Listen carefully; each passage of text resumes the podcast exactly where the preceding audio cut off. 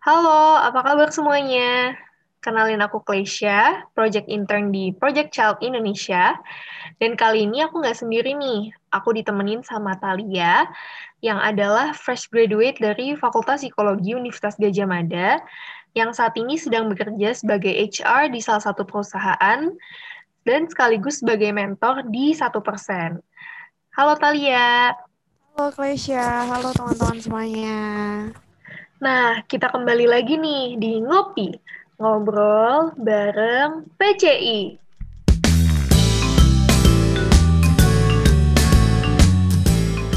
Sebelumnya nih, meskipun udah agak telat dan karena ini podcast PCI yang pertama di tahun 2021, aku mau mengucapkan selamat tahun baru dulu ya untuk kita semua.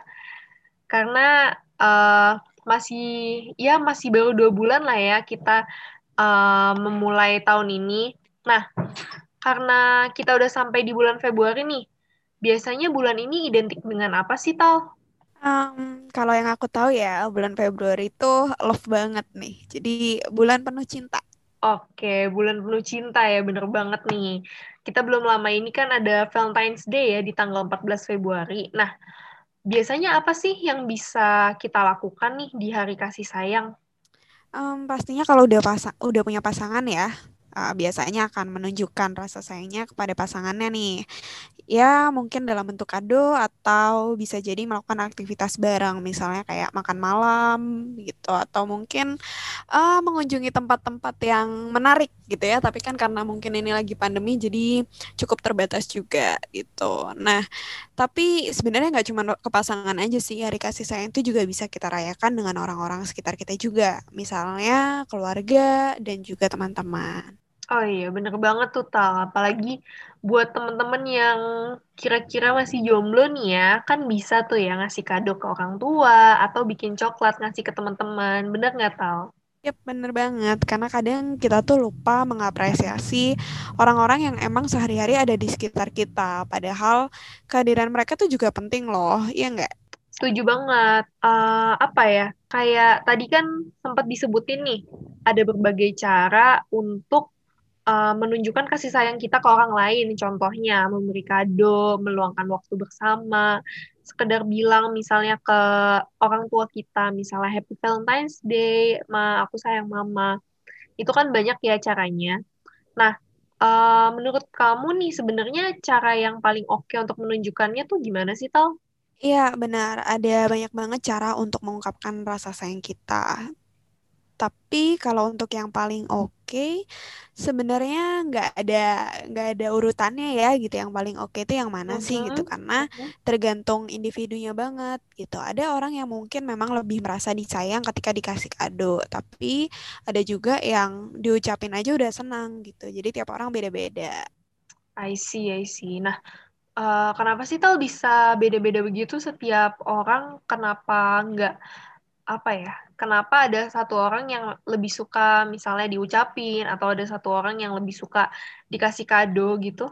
Nah, kalau kita mau ngobrolin tentang cara uh, individu mengungkapkan rasa sayangnya atau kalau dibalik nih apa sih yang membuat kita merasa disayang, itu kita akan berbicara terkait dengan love language class. Oke, love language ya. Berarti kayak bahasa Indonesia itu bahasa kasih gitu ya. Hmm. Pernah denger sih tentang love language, tapi aku kira itu buat pasangan doang loh, Tal. Mungkin bisa diceritain lagi nih definisi love language itu sebenarnya apa sih, Tal? Oke, jadi uh, love language itu cara kita mengekspresikan dan memahami cinta. Jadi uh, tadi ya setiap orang kan punya cara mengekspresikan cinta yang berbeda-beda, tapi juga setiap orang punya cara yang masing-masing menginterpretasikan bahwa orang lain itu mengasihi kita atau enggak. Kita merasa disayang enggak dengan cara yang orang lain itu lakukan. Nah, love language sendiri itu ada lima tipe nih, kelas. Jadi yang pertama itu act of service. Jadi individu itu mengekspresikan cinta atau merasa bahwa orang lain itu mencintai dia ketika uh, dibantuin. Misalnya dibantuin bersihin rumah atau mungkin diantar jemput gitu ya atau mungkin dibantuin ngerjain tugas gitu. Jadi ada uh, actionnya gitu untuk menunjukkan hmm. bahwa oke okay, aku mengasihi kamu aku mencintai kamu. Jadi nggak nggak dia nggak ngomong nih kayak oke okay, aku akan bantuin kamu dengan ini ya. Enggak tapi dia langsung menunjukkan itu dengan lewat perilakunya gitu. Okay. terus habis itu yang kedua itu ada quality time. Nah jadi individu yang mengekspresikan cintanya dengan quality time atau merasa dikasih dengan quality time itu biasanya sangat suka uh, punya waktu yang berkualitas nih bareng orang yang dikasihinya. Jadi uh, dia itu spare waktu gitu misalnya tiga jam main bareng gitu ya. Main barengnya bisa melakukan hobinya bareng-bareng atau mungkin mengunjungi tempat wisata gitu ya.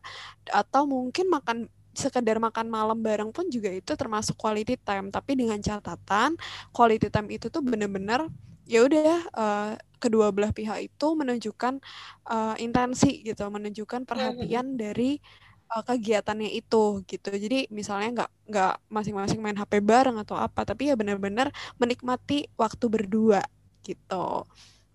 Terus habis itu yang ketiga ada words of affirmation. Nah, individu yang love language-nya uh, words of affirmation ini suka banget dengan kata-kata yang membangun, kata-kata yang menguatkan.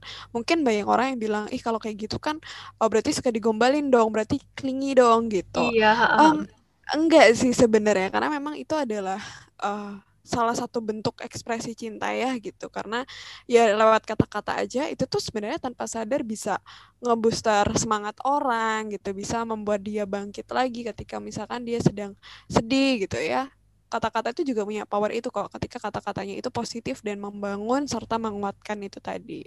Terus yang keempat itu ada namanya physical touch. Nah, physical touch ini sentuhan kasih. Jadi uh, individu itu merasa dikasihi atau mengekspresikannya ketika misalkan kalau ada temannya sedih gitu ya atau pasangannya sedih, dipuk-puk atau enggak mungkin dielus-elus rambutnya atau mungkin waktu nangis dipeluk. Nah, sentuhan kasihnya tuh seperti itu tapi tidak mengarah ke intensi seksual ya gitu. Tapi benar-benar uh, menunjukkan bahwa ini aku tanda mengasihi kamu gitu.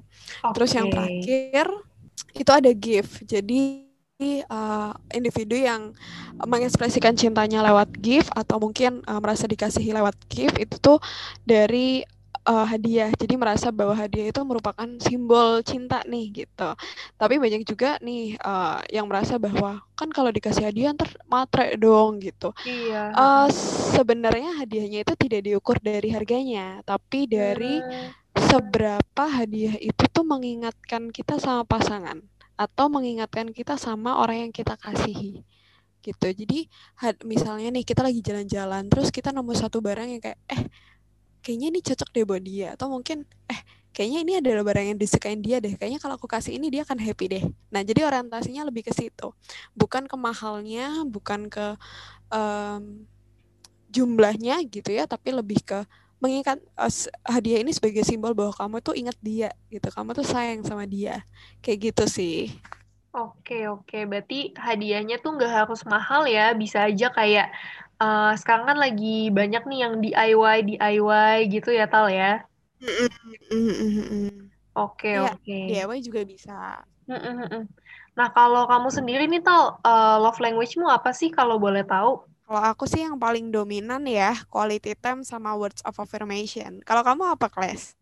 Kalau aku sih sempet ya waktu itu sempet tes juga aku itu dapetnya physical touch sama acts of service. Jadi aku suka tuh kalau dibantuin, misalnya lagi uh, apa ya, lagi kesusahan terus tiba-tiba dibantuin atau misalnya kalau lagi nangis, iya bener kata Talia tadi dipupuk gitu atau dipeluk gitu. Oke, iya iya iya iya. Iya kan kayak tiap orang tuh beda-beda gitu loh. Kayak tadi love language aku dan Klesia ternyata beda banget gitu dua-duanya. Iya. Oke. Nah, uh, kayak yang tadi aku udah bilang nih Tal, uh, aku kira love language itu ternyata bisa untuk pasangan aja, tapi ternyata bisa untuk orang lain juga ya selain pasangan. Iya, mm-mm, bener banget. Uh, yang sebenarnya love language itu kan bahasa kasih ya, dan maksudnya di dunia ini kan kita nggak hanya mengasihi pasangan ya, tapi kan ada orang-orang lain yang juga kita kasih gitu. Misalnya kayak keluarga atau orang tua. Itu uh, love language ini juga bisa digunakan gitu untuk bentuk ekspresi cinta kita atau mungkin kita merasa dikasihinya dengan cara seperti itu dari orang-orang yang kita kasihi. Oke, oke. Jadi bisa untuk teman dan uh, orang tua dan keluarga juga ya, Tal ya? Mm-mm. Oke, nah uh, mungkin sekarang pertanyaannya tuh kayak kenapa sih love language itu penting banget nih, Tal? Kenapa kayak uh, kan orang-orang banyak nih yang belum tahu tentang love language. Nah, kenapa uh, mengetahui love language itu menjadi sesuatu hal yang apa ya penting dan perlu diketahui gitu? Oke. Okay uh, love language itu kan bahasa Indonesia-nya bahasa cinta ya gitu. Uh, jadi supaya bahasa itu kan ada untuk komunikasi, bahasa itu kan ada untuk kita bisa tahu apa sih yang orang lain tuh inginkan gitu, apa atau mungkin apa sih maksudnya orang lain gitu. Pun juga ke, uh, dari kita ke orang lain gitu, apa sih yang mau kita sampaikan, apa sih maksud kita gitu. Uh, seperti kita belajar bahasa Indonesia, bahasa Inggris atau mungkin bahasa daerah gitu ya kita butuh bahasa itu sebagai salah satu bentuk komunikasi gitu. Sama sih love language itu kenapa penting? Ya, itu sebagai salah satu cara untuk kita mengkomunikasikan uh, apa yang ingin kita sampaikan atau mungkin apa yang orang lain sampaikan dan kita bisa paham. Tapi konteksnya ini berkaitan dengan love gitu. Kalau mungkin aku tanya kamu nih, Kles, cinta itu apa sih, Kles? Waduh, abstrak banget ya pertanyaannya. Cinta itu menurutku um, uh, suatu perasaan sih, Tal. Lebih ke perasaan yang akhirnya di diwujud nyatakan melalui perkataan dan tindakan gitu. Nah, itu tadi. Jadi love itu kan abstrak ya gitu. Kita cuman bisa bilang, "Iya, aku cinta sama kamu." Iya, cinta, tapi gimana gitu uh, bentuk konkretnya itu kayak gimana sih cinta itu? Nah adanya love language ini uh, untuk kita bisa menyampaikan rasa cinta kita ke orang lain dan juga begitu juga orang lain menyampaikan perasaan ke kita dan kita paham bahwa oh ini kamu mencintai aku ya ini kamu mengasihi aku ya. Jadi itu sih kenapa love language penting ya sebagai sarana komunikasi dalam hubungan gitu. Oke oke okay, Jadi uh, kita merasa dicintai dan orang lain pun merasa dicintai oleh kita gitu ya Tal ya? Iya yep, bener banget. Oke okay, oke. Okay. Nah kalau kita kan di Project Child Indonesia ini berfokus kepada concernnya lebih ke anak ya. Nah menurut kamu kalau untuk love language pada anak sendiri itu gimana sih Tal? Uh, apakah apakah penting juga untuk diketahui begitu? Oke, okay. uh, eh, penting banget sih. Jadi sebenarnya kalau tadi kan kita ngobrolinnya love language secara general ya atau mungkin ya uh, menyinggungnya lebih ke relationship yang sudah sudah dewasa gitu istilahnya. Dengan pasangan kan sudah sudah usia 20-an mungkin gitu ya. Tapi sebenarnya pembentukan love language itu dari kecil loh gitu. Jadi oke hmm, oke. Um, okay, okay anak lahir gitu ya anak lahir itu kan dari orang tuanya ya gitu. Nah anak lahir ini sebenarnya mereka sama mereka itu punya tangki kasih sayang yang seharusnya diisi oleh orang tuanya okay. gitu nah gimana caranya mengisi tangki kasih sayang ini? Ya salah satunya adalah dengan love language itu tadi gitu. Jadi anak merasa dicintai anak tahu oh bentuk cinta itu ini ya gitu. Jadi kalau misalnya nih uh, orang tuanya sering banget nih memberikan kata-kata afirmasi atau mungkin kata-kata yang menguatkan, anak akan tahu gitu bahwa oh ternyata bentuk cinta itu uh, dari kata-kata ya gitu. Atau mungkin kalau dari kecil sebenarnya anak tidak diajarkan uh, berkaitan memeluk atau mungkin uh, sentuhan fisik gitu ya, sentuhan kasihnya, ya mungkin anak makin lama makin merasa bahwa uh, sentuhan fisik itu bukanlah suatu bentuk cinta bahkan agak risih gitu sebenarnya dengan sentuhan fisik itu tadi karena mungkin tidak pernah diajarkan oleh uh, orang tuanya gitu okay, jadi I see, I see. Uh, sebenarnya kelima bahasa cinta ini itu tuh seharusnya diekspresikan oleh orang tuanya dulu karena kan kalau anak-anak itu kan mereka istilahnya baru ya baru lahir di dunia ini gitu kan mereka tidak tahu cinta itu apa? Dan ya itu tugasnya orang tua untuk memberikan rasa aman dan menunjukkan bahwa ini loh yang namanya kasih sayang. Gitu. Nah apakah uh, misalnya orang tua sudah mengekspresikan semua love language nih gitu kemudian apakah uh, anak tuh uh, tahu nih uh, maksudnya orang tua tahu nih bahwa oke okay, aku sudah tepat nih memberikan semua love language dan apakah memang uh, ini sudah cukup baik gitu ya. Uh, kembali lagi sih, walaupun mungkin memang anak tuh sudah tahu nih love language love, apa cara mengekspresikan cinta itu seperti apa, tapi ya karena kita individual differences ya gitu, tidak kembali lagi love language itu nggak nggak nggak lima limanya itu dominan gitu, mungkin ada satu atau dua aja sehingga kembali lagi walaupun kita sudah mengekspresikan semuanya, tetap yang dominan pada anak itu ya mungkin satu dua orang karena ya individual differences tadi tiap anak beda-beda dan itu yang perlu dipahami bukan karena kan sering banget ya orang tua tuh kayak merasa kan kamu itu udah uh, mama papa giniin gitu kan. Kamu udah udah mama papa uh, misalkan beliin hadiah terus gitu kan. Ah ya, I see I see. Nah bisa jadi sebenarnya ya anak tahu itu bentuk orang tua mengasihi dia tapi sebenarnya bisa jadi itu bukan love language-nya dia gitu. Bukan karena uh, dia nggak puas tapi ya mungkin bisa jadi karena individual differences tadi mungkin ada hal-hal lain yang sebenarnya membuat dia nyaman lebih nyaman gitu sih. Oke oke. Jadi uh, ada miskomunikasi ya jadinya antara orang tua dan anak. Misalnya orang tua udah merasa uh, loh aku merasa udah memberikan kasih sayang nih kepada anakku tapi kok anakku nggak merasa disayang gitu? Tapi uh, dan ternyata itu karena uh, tidak sesuai dengan love language-nya begitu ya Tal ya? Mm ya benar banget. Oke, oke. Nah, uh, kan tadi kita bicara tentang love language anak nih, kayak anak tuh dari kecil um, punya tangki kasih sayang yang harus dipenuhi oleh orang tuanya dan orang-orang di sekitarnya. Nah, sebenarnya dampaknya nantinya apa sih ke anak itu sendiri kalau misalnya love language-nya diketahui dan dipenuhi dan sebaliknya juga kalau misalnya uh, love language anak tersebut tidak terpenuhi begitu, itu dampaknya gimana sih, Tal? Oke, okay. uh, sebenarnya tentu ya, maksudnya kalau secara general tentu uh, hal ini tuh baik untuk anak agar anak tuh tahu love itu seperti apa, agar anak ta uh, merasa dikasihi, agar anak tuh merasa aman lah gitu.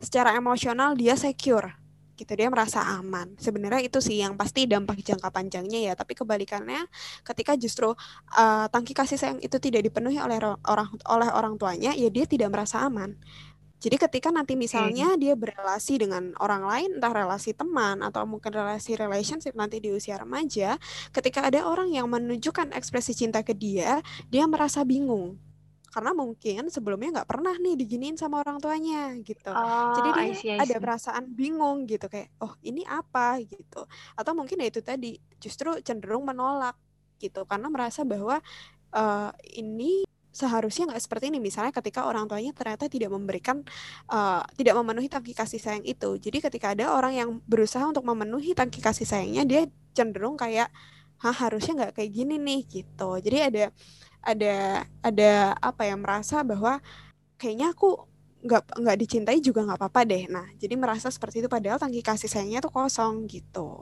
Ah oke okay, oke. Okay. ngerti ngerti. Gitu dan juga oh. sebenarnya kelas uh, aku yeah. pernah baca salah satu jurnal penelitian gitu. Uh-huh. Uh, penelitian tentang hubungan orang tua dengan anak ya berkaitan dengan love language ini. Kayak ternyata uh, ayah itu tuh berperan penting uh, maksudnya ketika ayah melakukan quality time nih sama anak itu tuh berperan penting uh, terkait dengan pandangan anak pada dunia luar. Oke. Okay. Gitu. Jadi ketika dia waktu kecilnya banyak quality time sama ayahnya, dia jadi tahu nih bahwa oh ternyata uh, dunia luarku itu seperti ayahku mm-hmm. gitu. Mhm. Nah, tapi uh, kalau pada ibu, ibu tuh biasanya yang berpengaruh pada words of affirmation-nya. Nah, ini berperannya ter terhadap rasa uh, keberhargaan diri anak. Jadi kalau misalkan ibu itu sering banget mengelontarkan kata-kata yang negatif, lama-lama akan menurunkan self esteem anak gitu. Ah, oke. Okay. Nah, kalau misalkan justru ibunya ini sering banget melontarkan kata-kata positif gitu ya, itu akan membuat anak tuh merasa secure, merasa bahwa dia keberharga dia punya self esteem yang baik gitu. Okay, tapi itu okay. uh, kembali lagi based on satu penelitian ya, tapi dari situ menarik sih gitu bahwa ternyata ya penting gitu uh, love language dari orang tua ini ada perannya pastinya gitu. Oke, okay, nah kalau love language ini udah penting nih dan sudah berdampak um, bagi anak. Nah, misalnya mungkin ada orang tua yang sedang mendengar ini nih, kayak mungkin penasaran ya, jadi jadi mikir nih, oh iya ya, uh, love language untuk anakku uh, gimana ya cara memenuhinya, bagaimana ya cara aku tahu love language anakku apa gitu, dan gimana sih cara menerapkannya. Nah itu mungkin gimana tuh Tal caranya? Oke, gimana caranya mengetahui love language anak dulu kali ya? Uh, caranya mengetahui adalah kalau mungkin kalau di usia dewasa ya, maksudnya untuk remaja atau dewasa awal gitu kan kita udah tahu ya caranya. Tahu kan ya dari tes gitu kan, tes di fivelovelanguage.com itu juga bisa untuk remaja atau mungkin untuk uh, usia dewasa awal. Tapi kalau misalkan untuk anak-anak gimana nih caranya? Kembali lagi sih ini uh, proses orang tua untuk peka-pekaan sama anak. Nah, untuk mengetahuinya, lihat aja dari kelima love language ini, mana sih yang anak itu merasa nyaman. Oke. Okay. Gitu. Jadi waktu dikasih, uh, waktu diekspresikan cinta ini, mana sih yang anak tuh merasa bahagia, anak tuh merasa happy, anak tuh merasa nyaman, atau mungkin sebaliknya, mana yang ke, uh, dari lima love, dari five love language ini, mana yang ternyata waktu dilakukan sebaliknya, uh, hal negatifnya itu tuh membuat anak tuh tersakiti atau membuat anak tuh sedih gitu. Walaupun uh, artinya aku tidak menganjurkan untuk orang tua melakukan hal yang negatif ya enggak. Tapi kan maksudnya kayak misalnya nih anak pengen hadiah tapi habis itu nggak kita kasih. Tapi udah kita kasih pengertian, ternyata uh, tetap nih nggak nggak bisa nih dan hal itu terjadi secara berulang. Oh mungkin bisa jadi sebenarnya love language anak itu gift. Hmm oke okay, gitu. oke. Okay atau mungkin ketika misalnya waktu uh, anak nangis gitu ya terus abis itu malah dikasih kata-kata yang negatif. Terus dia makin sedih makin uh, kecewa gitu misalkan anak-anak ini. Oh ya mungkin sebenarnya uh, dia love language-nya itu words of affirmation. Oh gitu oke okay, I see I see. Oke okay. nah atau mungkin bisa juga uh, ditanya ke anaknya mungkin ya Tal ya kayak kamu nyaman gak sih kalau misalnya uh, mama atau papa uh, peluk kamu atau kayak kasih kamu hadiah gitu kamu suka nggak sih mungkin bisa ditanyakan kayak gitu juga ya Tal ya Iya, cara mengetahui nyaman atau enggaknya itu ya itu tadi dari trial error observasi ya gitu atau enggak dari hmm? komunikasi ketika misalnya anak itu sudah bisa diajak berkomunikasi gitu. Oh, Karena kan maksudnya uh, baru bisa diajak komunikasi kan paling enggak 2 sampai tiga tahun ya gitu. Kalau masih mm -hmm. bayi kan ya mungkin uh, belum bisa gitu. Hmm. Oke, okay, oke. Okay. Nah, um, tadi kan kita udah uh, ngobrol soal cara mengetahui love language anak nih. Setelah kita mengetahuinya, uh, yang pasti kita menerapkannya ya Tal ya. Kayak misalnya love language anaknya tuh um, giving gift itu mungkin bisa dikasih kado misalnya uh, words of affirmation berarti dikasih kata-kata positif kayak oh kamu hebat kamu kamu anak yang pintar atau misalnya physical touch berarti sering dipeluk dipuk-puk gitu ya. Nah kalau um, dari Talia sendiri nih ada tips-tips nggak sih Tal untuk menerapkan love language pada anak? Uh, tips and trick untuk menerapkan love language pada anak ya? Hmm, sebenarnya ekspresikan aja gitu. Ekspresikan aja kasih sayangnya. Nah, mungkin tips and trick yang terutama adalah ya kita harus mengasihi anak dulu gitu. Kita harus sehat okay. secara sebagai orang tua perlu sehat secara emosional dulu. Karena kalau uh, katanya Eric Fromm ya di bukunya The Art of Loving dia bilang bahwa kita itu akan bisa mencintai ketika diri kita tuh sudah penuh gitu. Hmm, ketika tangki kasih sayang kita tuh udah penuh. Jadi kalau kita nggak kalau kita full itu kan kita jadi bisa membagikan ya gitu. Sama kalau misalkan kita punya duit deh gitu, kita punya banyak duit gitu. Tapi basic needs kita udah cukup nih. Maka kita kan kalau untuk ngasih ke orang lain kan ya rela-rela aja karena basic needs kita udah penuh. Oke. Okay. Gitu. Tapi gimana kalau misalkan ternyata kita masih merasa kurang terus nih? sama kayak misalkan orang yang lagi kelaparan terus dia uh, harus ngasih ke orang lain mungkin kan rasanya berat ya karena dia sendiri masih lapar gitu. Mungkin terbatas. Ya sama. Kasih sayang pun juga seperti itu. Apalagi orang tua dengan anak. Ya siapa lagi yang mau mengasihi anak kalau nggak orang tuanya gitu kan? Siapa yang akan memberikan rasa aman ya kalau nggak orang tuanya? Benar-benar gitu. Sehingga orang tuanya perlu secure dulu nih emosinya. Perlu memenuhi tangki kasih sayangnya dulu nih. Entah dari pasangan entah dari dirinya sendiri. Sehingga kalau misalkan kita sudah penuh maka membagikan cinta atau mungkin mengasihi orang lain itu akan jauh lebih mudah dan hubungan pun juga akan sehat sehingga hubungan orang tua dengan anaknya udah ya terlihat sehat gitu. Karena ekspresi cintanya sudah sudah tidak tidak ada istilahnya tidak ada tuntutan lah gitu. Karena kan ketika misalnya orang tua nggak sehat mungkin sering banget menuntut kayak mama tuh lagi capek misalnya. Jangan mm-hmm. jangan nakal kayak gitu. Nanti kamu uh, mama kurung loh ya misalnya seperti itu. Mm-hmm. itu kan maksudnya ada tuntutan ya di sana tuntutan bahwa ini aku lagi capek kamu sebagai anak kamu harus memahami aku. Padahal anak-anak tuh ya dia belum bisa memahami gitu. Iya gitu. iya nggak bisa dituntut untuk memahami orang dewasa gitu kan. Benar-benar orang dia aja masih perlu banyak belajar gitu kan. Apalagi untuk memahami orang dewasa ya orang dewasa dong yang harusnya memahami anaknya. Jadi hmm. mungkin tips and triknya untuk uh, mengekspresikan cinta pada anak yaitu penuhi dulu tangki kasih sayangmu jangan uh, mengekspresikan cinta hanya karena ya tuntutan sebagai orang tua. Ya enggak. Karena memang dia anakmu dan ya memang sebagai orang tua perlu mengasihi anak untuk memenuhi tangki kasih sayang anak itu tadi gitu. Dan juga uh, anak-anak tuh kan uh, beragam ya gitu dan mereka juga ya tadi maksudnya kita bisa tahu uh, love language-nya apa ya dengan trial error juga gitu. Sehingga ya jangan capek gitu untuk melakukan trial error. Yang penting tadi kuncinya beresin dulu. Kita benar-benar mau mengasihi anak kita gitu. Oke wah uh, banyak banget ya insight yang didapat ya dari obrolan kali ini tentang love language, tentang jenis-jenisnya, tentang uh, apa ya dampaknya pada anak ternyata sebegitunya ya. Dan uh, untuk mengetahui love language itu sesuatu hal yang cukup penting juga untuk menjaga hubungan, untuk menjaga relasi baik dengan gak cuma dengan anak, bisa dengan teman, bisa dengan uh, pasangan juga ya. Nah, uh, apa ya di hari Valentine kan biasa diperingati untuk mengungkapkan kasih sayang, tapi ternyata kasih sayang itu diungkapkan nggak cuma di hari Valentine ya Tal ya? Iya, benar banget.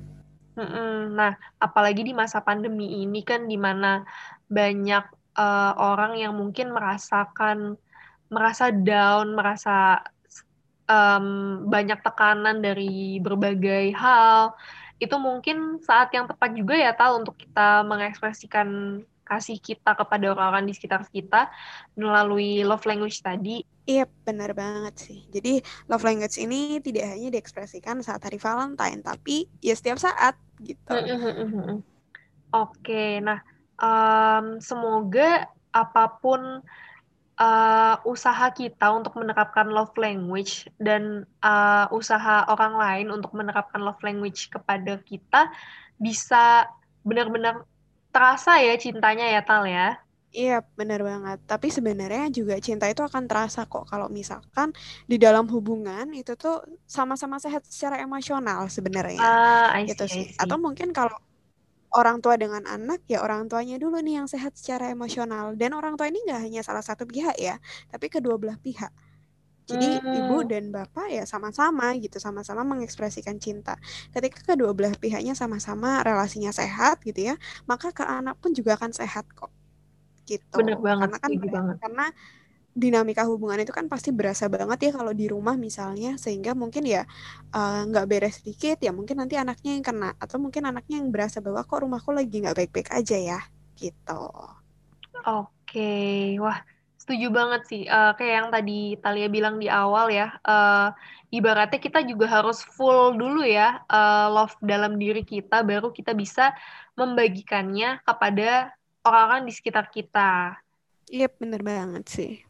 Oke, nah um, benar-benar apa ya insightful banget sih uh, kita ngomongin tentang love language pada kesempatan kali ini, love language pada anak juga. Uh, aku mau bilang kepada teman-teman semua kalau setiap hari, setiap saat adalah saat yang tepat kok untuk mengungkapkan kasih kita kepada orang-orang di sekitar kita dan jangan lupa juga untuk mengasihi diri kita sendiri juga karena jika kita um, belum merasa full nih kasihnya, nah akan susah juga nih untuk kita membagikan kasih kita pada orang lain. Nah, uh, terima kasih juga nih untuk Talia yang udah sharing pada kali pada kesempatan kali ini di ngopi kali ini. Uh, dan terima kasih juga untuk teman-teman yang sudah mendengarkan ngopi podcast PCI kali ini. Semoga apa yang kita sampaikan bermanfaat ya Tal ya untuk teman-teman. Iya, semoga bisa bermanfaat ya. Oke, thank you banget Talia karena udah sharing-sharing dan ngobrol-ngobrol bareng kita. Dan untuk teman-teman semuanya, sampai jumpa di ngopi-ngopi selanjutnya. Yeay,